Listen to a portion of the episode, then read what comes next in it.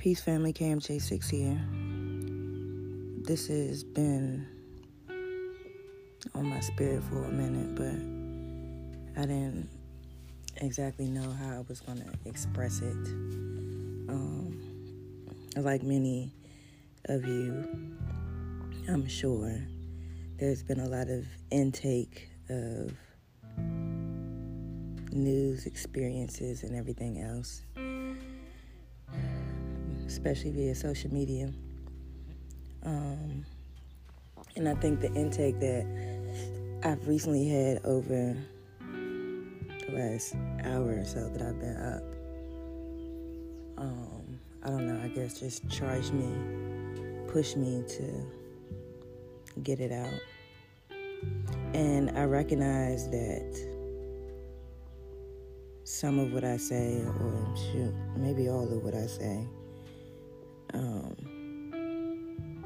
it's not what everybody wants to hear, maybe not what everyone agrees with, but it's where I am. And I know that any other time that I choose to be transparent, um, it's helpful for somebody, even if it's just one person. So, um, where do I begin? This is for black people, for my people, and every struggle, because Lord, do we have many. And I wanted to I wanted to say something in May. Um, I guess on the tails of mental health awareness, but then I told myself there was it was unnecessary to rush because every month we should have mental health awareness. Every day, every hour, we should have awareness uh, towards ourself. Uh, face yourself is what I say. And my, my message and narrative really doesn't change. And I recognize that as I go through these different spaces in life. And healing is a process. And I don't think many of us recognize when we're asking for change, what we're really asking for is, is healing. Um, and our black communities, period, with our oppressors, with police, with government, with systems, we're asking for healing. And there's three phases to healing there's self, there's healing of self, and internal space. Then once you figure that out, um, you move on to the next space, which is you know friends, family, close, close, close people, people that are close to you. And then the third phase is external, even more external in a global sense, healing in a global sense. And healing takes time. I've been on a personal journey of healing probably for, I'll give myself the last two years. And I've learned so much about myself and just the process in general. As children, we're pure we're untouched by society's unwritten rules. We know what we want in the simplest of forms. But there's a point in our life, there's a pivotal point in our life that things take a change. That we're told things by our parents, we're told things by society, we're just fed things.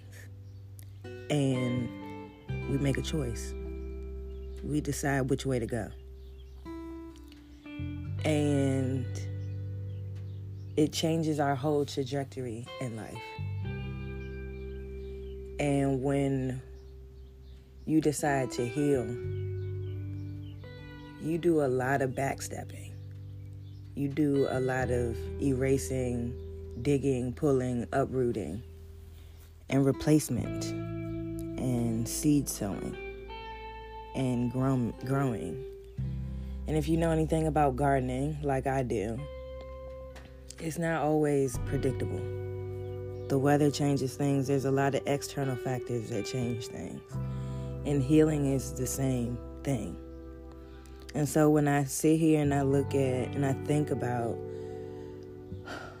I think about COVID and I think about our protests and the system and police brutality.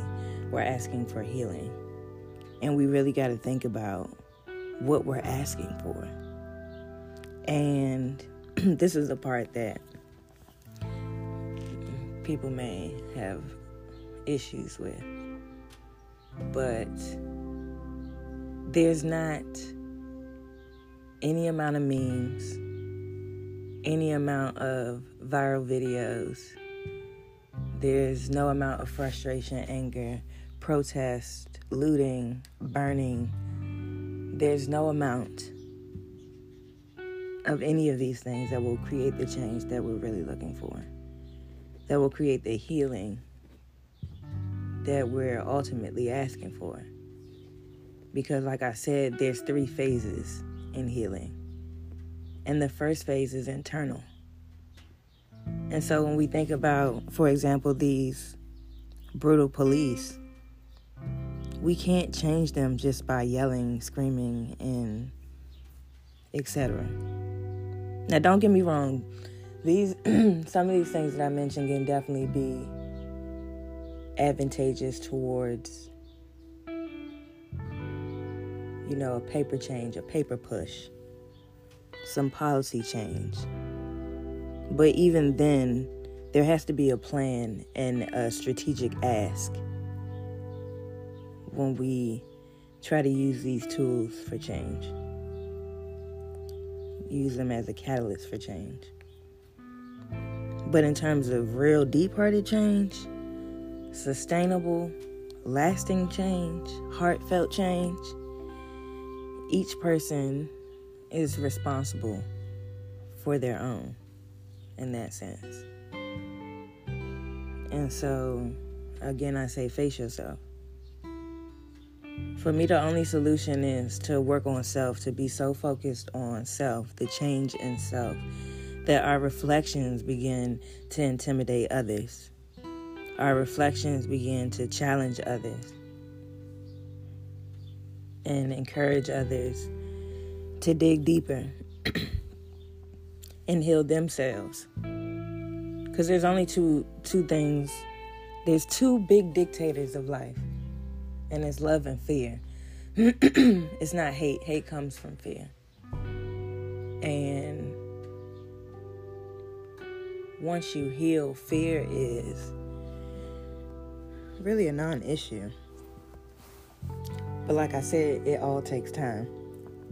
And I've learned that just in my journey. And I have a targeted point for certain things that I'm healing. You know, once you start digging for one thing, you start pulling. It's like a root. You pull the root and it just leads you to other spaces. So you may be starting in one place and ending in another. But when I think about my healing, I recognize that my pivotal change really started when I was a teenager and I took a trajectory in life. And so I give myself, what, 17 years of this unhealthy lifestyle that I'm working to heal myself from. What we're asking for is damn near, I mean, decades of healing from both sides. And if you know about healing, it's not linear, it's up and down. And there's days that I want to fight, but I'm tired. And I'm fa- fighting for change for myself. So think about the healing and the change that we're asking from our oppressors and really what that looks like. So I challenge you to, in all of this, I don't know, I'm getting, I took notes and everything to try to stay focused on where I was. But in all of this, and what I say is to really ask yourself, what are you spending your energy on and is it worth it? Like when we go out here and protest and we're fighting, what are, what are we what are we expecting once we head home? What have we asked for at the end of the day? Because it's not like our voices haven't been heard. They've definitely been heard. But are they cared for? What are you using your energy towards? And are you fit like what about yourself? You will kill yourself trying to change the whole world. And that's what I've come to realize that I can't change the entire world. But I can change myself. I can start in phase 1 and really get myself together. And then beyond that, I can go into phase 2 and really step into my community, my friends, my family, my environment. And then as we start to make these changes, we can only hope that it'll be a domino effect and just create bigger and wider, expansive change, real change. and I keep thinking, I keep seeing, I keep realizing, I keep living in a space where black people are still dealing with things outside of COVID and outside of police brutality. Excuse me. we still have our own issues that we fight daily, especially in the hood. And so, are we even are we even giving ourselves the things that we are asking other people for? Is my question.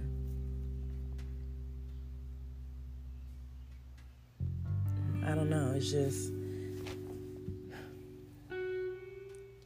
I'm introspective. I try to reflect more than project.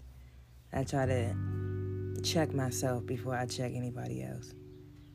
And that's just my urge for for black people.